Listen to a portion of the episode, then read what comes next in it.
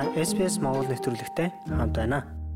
SBS Mongolian радио яг одоо Австрал болж байгаа цаг үеийн мэдээллийг хүргье. Ингээд мэдээний товч агуулгыг танд хүргэе.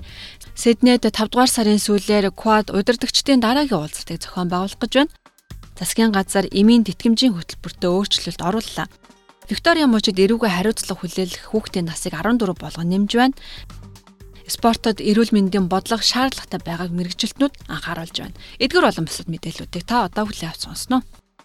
Ерөнхий сайд Антони Албанез 5 дугаар сарын 24-нд Сидней хотын Opera House-д Quad-ын удирдагчтай уулзалт болно гэмээн мэдгдлээ. Аюулгүй байдлын дөрвөн талд яриа хэлэлцээ буюу Америк нэгдсэн улс, Япон, Энэтхэг, Австралийн удирдагч энэхүү яриа хэлэлцээнд оролцдог.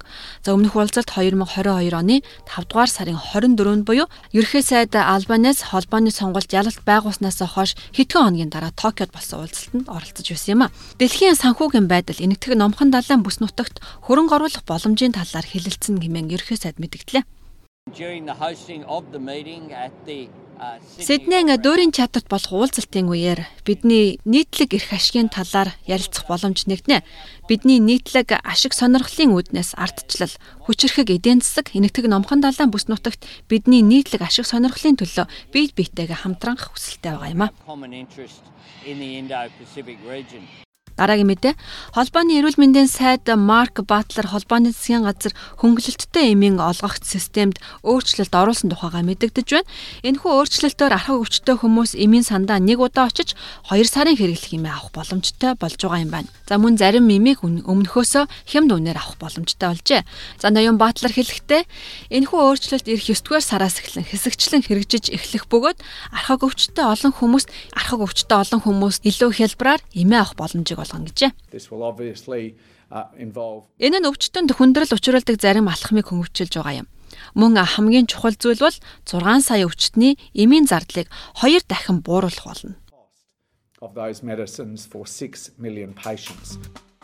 Австралид инфляц буурч эхэллээ. Австралийн жилийн инфляцийн түвшин 7.8-аас 7% болж бага зэрэг буурчээ.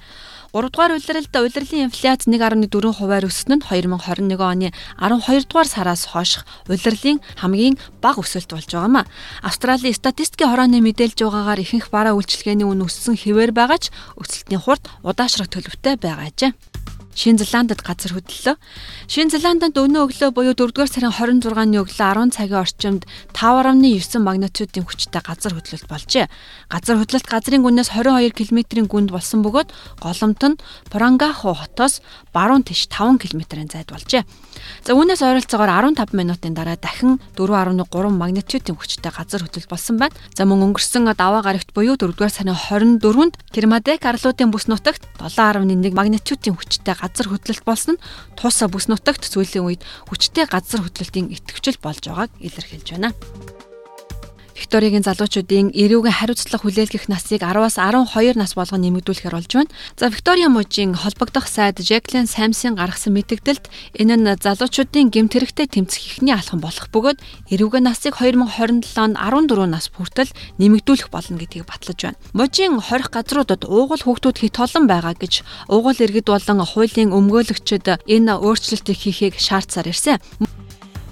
Холбооны засгийн газар Австралийн үндэсний цэцэрлэг түрээлэнгүүдийг хамгаалахад туслах санхүүжилтийг 2 дахин нэмэгдүүлэхээр болжээ. 5 дугаар сарын 2 дахь 7 хоногт батлах төсөвт Австрали даяар үндэсний цэцэрлэг түрээлэнгүүдийн арчилгааг сайжруулахад 262 сая доллар зарцуулахаар төлөвлөжээ. За санхүүжилтээр зэрлэг амьтдыг хамгаалах, хогийн урамлалыг арилгах, тоног төхөөрөмжийг засварлах зэрэг ажилд нэмэлт 110 ажлын байрыг бий болгохоор төлөвлөж байна. Санхүүжилтээр олгож байгаа мөнгийг байгаль хамгаалал, соёлын өвийн менежментийг сайжруулах, байгаль хамгаалагчдыг зайлшгүй шаардлагатай орон сууцаар хангахад зориулах юм байна. За байгаль орчны сайд Tanya Plibersig ABC Orange хэлэхдээ хөрөнгө оруулалт нь Австралийн уугуул иргэдэд шинэ ажлын байрыг нээх болно гэжээ.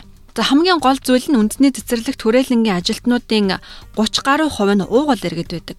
Нутгийн уугуул эзэд аслагдсан орон нутагта маш сайн ажил хийж дэлхийн өвд бүртгэгдсэн эд зүйлс барилга байшин илүү сайн хамгаална гэсэн үг юм а.